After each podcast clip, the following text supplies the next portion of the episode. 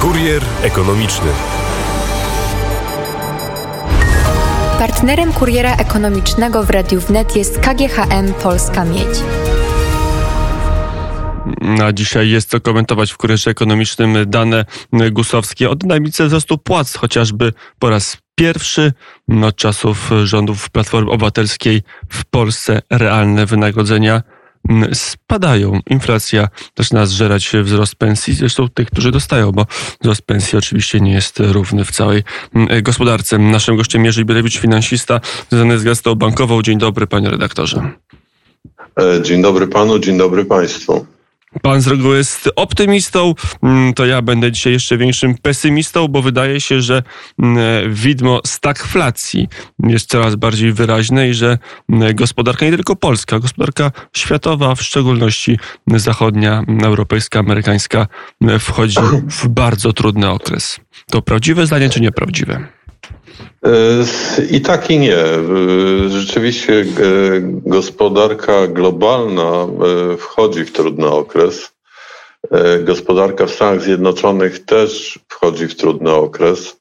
Dzisiaj taka wszyscy święci, można powiedzieć, na portalu Bloomberga na jedynce, czyli laureat Nagrody Nobla, Rubini, Elon Musk, twórca Exspace i Tesla i Goldman Sachs wszyscy twierdzą zgodnie przy okazji forum w Katarze, takiego gospodarczego forum w Katarze, że e, Amerykę czeka recesja i to w najbliższym czasie, w krótkim okresie, że jest to bardziej prawdopodobne niż mniej. E, z kolei, jeśli chodzi o stagflację, można powiedzieć, że to jest prawda dla takich gospodarek jak e, e, największe gospodarki strefy euro, Niemcy, Francja, e, gdyż inflacja tam ciągle rośnie, a wzrostu prawie nie ma, czyli jest spełniona ta de definicja stagflacji.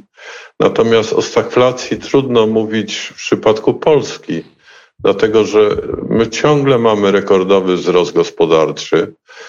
E, co prawda no, w pierwszym kwartale tego roku bardzo, bardzo wysoki. Oczywiście do, do, inflacja też e, daje pewną dynamikę tutaj, to jest jasne i oczywiste, ale e, no, wielu ekonomistów mówi z wysokiego, z, z, z wysokiego konia będziemy spadać.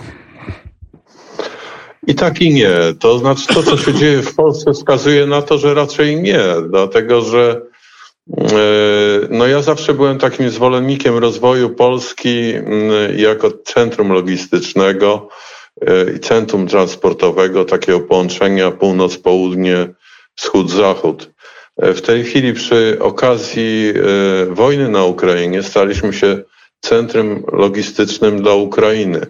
I okazuje się, że te nasze drogi transportowe, E, już w tej chwili e, działają na granicy, na granicy, że już nie do końca dajemy sobie radę na przykład z transportem zboża ukraińskiego do portów e, i nasza, nasze możliwości są za małe, żeby pomóc w tym względzie Ukrainie.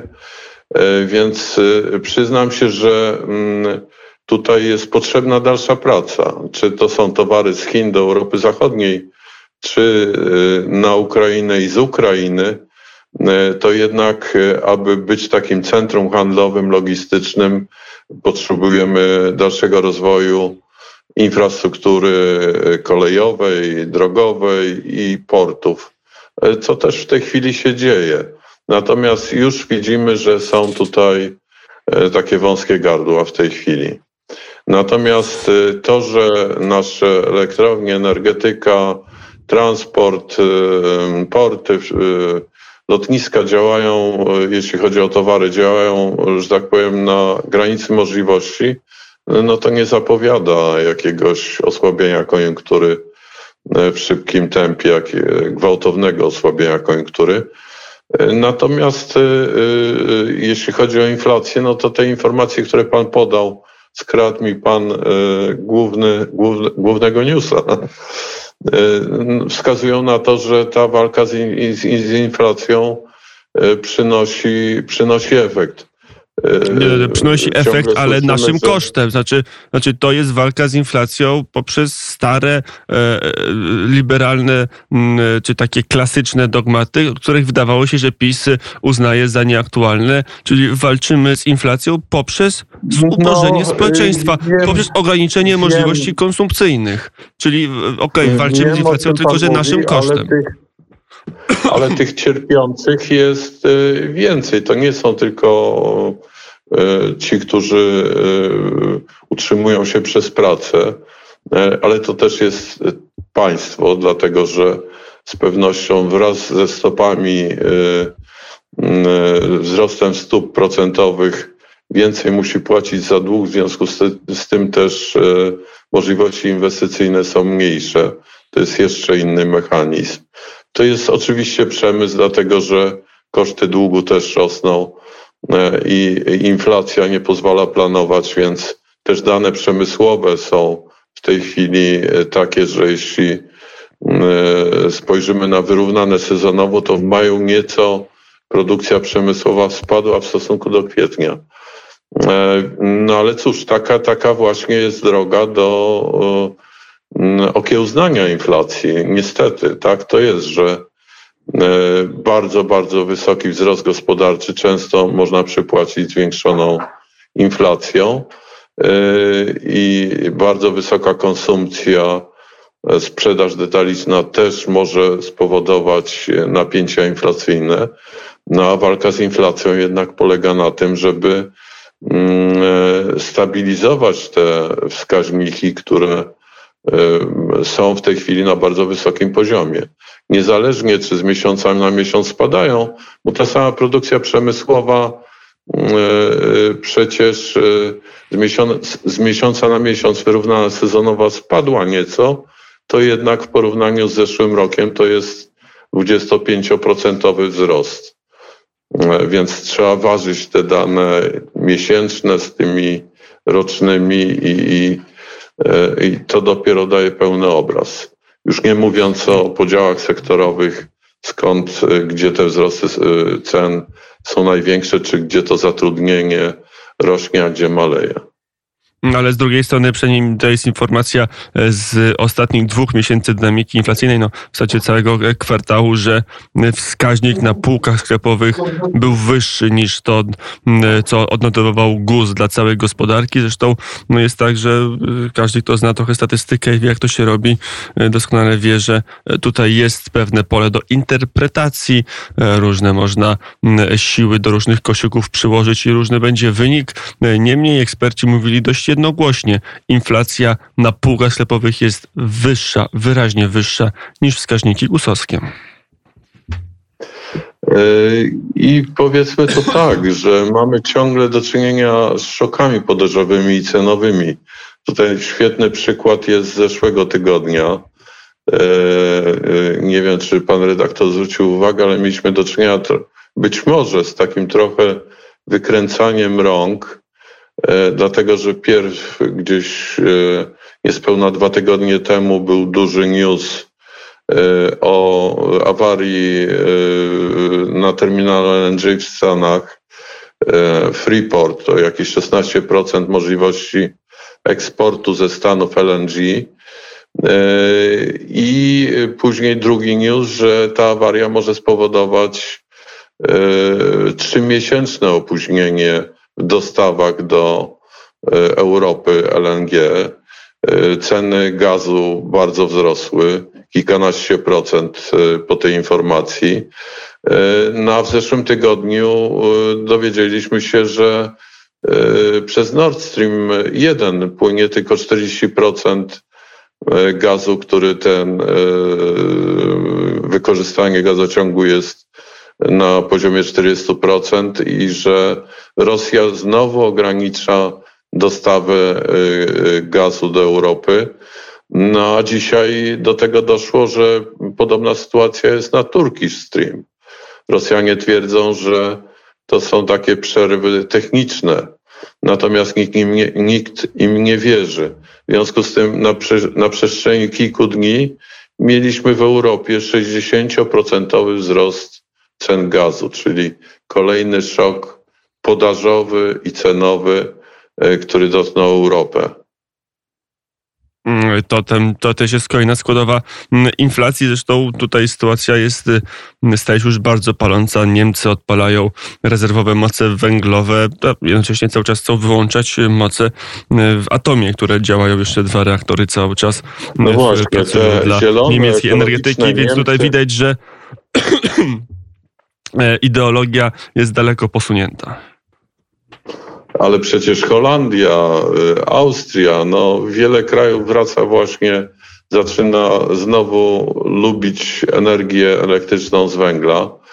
I ja dodam, że tak moim prywatnym zdaniem, e, jeśli chcemy tego pięknego nowego świata z aplikacjami, z cyfrowym pieniądzem i z wieloma innymi, nie wiem, z ich handlem, to to wszystko kosztuje energię. E, samochody elektryczne, energię elektryczną jakoś ją trzeba wytwarzać. Więc e, moim skromnym zdaniem e, jeszcze decydenci nie zdają sobie sprawy, że jeśli ten rozwój technologiczny ma się utrzymać, to barierą e, jest właśnie energetyka e, i to, ile jesteśmy w stanie wytworzyć energii. A jeszcze zastanawiam się, na ile te wszystkie sygnały, z jednej strony e, ta dodatkowa presja E, gazowa w tym wypadku, ale e, może będzie i szerzej o inne e, nośniki energii rozszerzona presja Rosji, którą widzimy teraz bardzo wyraźnie, dostawy do Niemiec zmniejszone, dostawy do Włoch zmniejszone, dostawy do Francji w zasadzie zerowe. Ta gra w ostatnich dniach bardzo się zaostrza. Informacja z wczoraj wieczorem Turkish Stream także spadek ciśnienia gazu, spadek transportu wolumenu i to wszystko oczywiście zdaniem Rosji jest całkiem, całkowicie przypadek że na wszystkich kierunkach dostaw nagle jakieś awarie się e, pojawiają. Od przypadki chodzą już nie parami, ale w większych grupach, a z drugiej strony te wskaźniki, dzisiejszy ten Gusowski o tym, że dynamika płac jest owszem wysoka, ale już jest poniżej dynamiki inflacyjnej, czyli e, biedniej. Więc to wszystko nie powinno e, skłaniać do być może wyhamowywania albo zgoła kończenia tego cyklu podwyżek stóp procentowych przez Radę Polityki Pieniężną. Ależ taka była filozofia banków centralnych. E, one reagowały e, e, tą filozofią banków centralnych amerykańskiego EBC, że ta inflacja jest przejściowa, było, przyczyną było wzrost cen energii właśnie. Wydawało się, że tym bankowcom centralnym, że być może te wzrosty surowców świat odżywał po pandemii, wzrost cen surowców, wzrost cen energii, wyhamuje też inflację, że to będzie ten taki wystarczalny impuls antyinflacyjny. E, okazało się, że e, no tak nie jest. W tej chwili w Stanach Zjednoczonych e, dochodzi do podwyżek stóp procentowych, które są historycznie największe. W bardzo szybkim tempie Fed podnosi stopy procentowe. To się może Szwajcaria chociażby, to jest, co jest bardzo ważne tak. dla, dla jeszcze dla ciągle już nie tak istotnego, ale ciągle dość ważnego e, koszyka kredytów walutowych we franku szwajcarskim. No oczywiście są komentarze, że to też może wpłynąć na przyszłe decyzje NBP-u.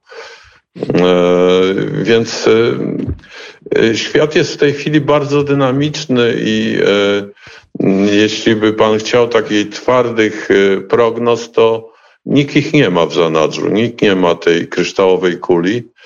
E, dynamika jest e, często zaskakująca, jak chociażby ten e, ostatnie dwa tygodnie na rynku gazu.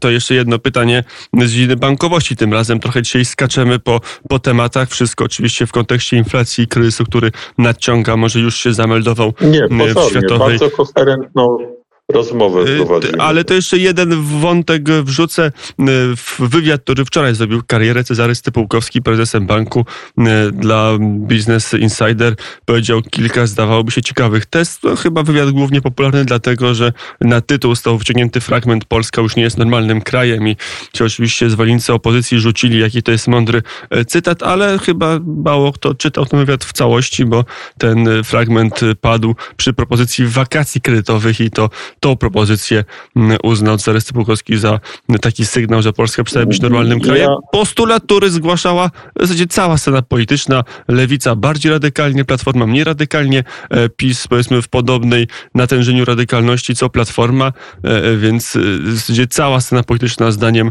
PSM Banku co nieco straciła kontakt z rzeczywistością, bo chce takie wakacje kredytowe i do tego jeszcze WIBOR chce zmienić za jednym zamachem. Na ile jest tak, że tego typu działania no, pomogą niektórym wytrzymać z jednej strony inflację, spadek realny zarobków, który już widzimy, a do tego dynamicznie, skokowo rosnące raty kredytu? Zależy, gdzie te wakacje są skierowane. Jeśli one są skierowane do tych grup, które mają największy kłopot e, i do najuboższych, to tak, e, czy wszelka pomoc, mówię generalnie. E, nie, to jest właśnie normalny kraj.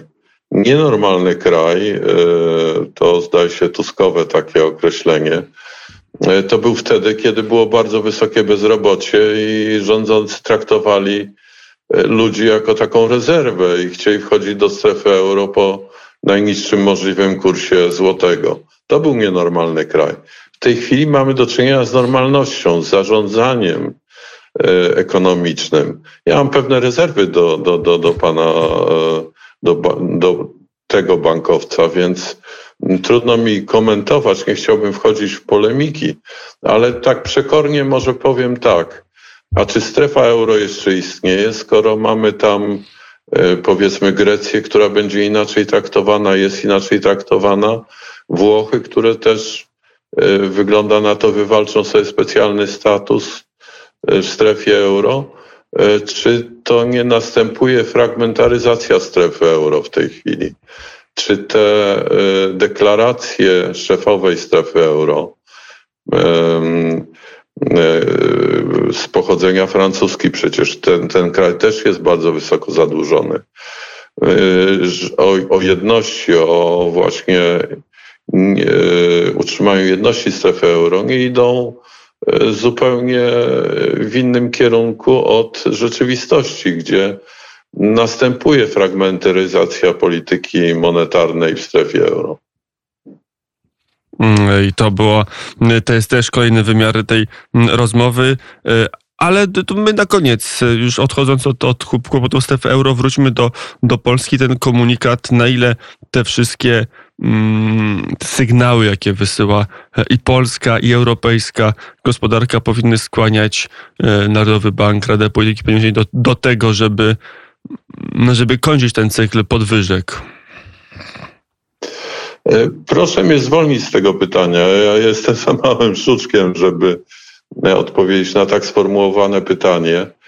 E, no te dane ekonomiczne, tak jak pan na początku rozmowy wskazał, wskazują, pokazują to, że a zwłaszcza dane miesięczne, inflacja z miesiąca na miesiąc, ta dynamika maleje, więc z drugiej strony mamy bardzo dynamiczne otoczenie ten nowy szok gazowy, e, czy e, bardzo szybki wzrost stóp procentowych w Stanach Zjednoczonych.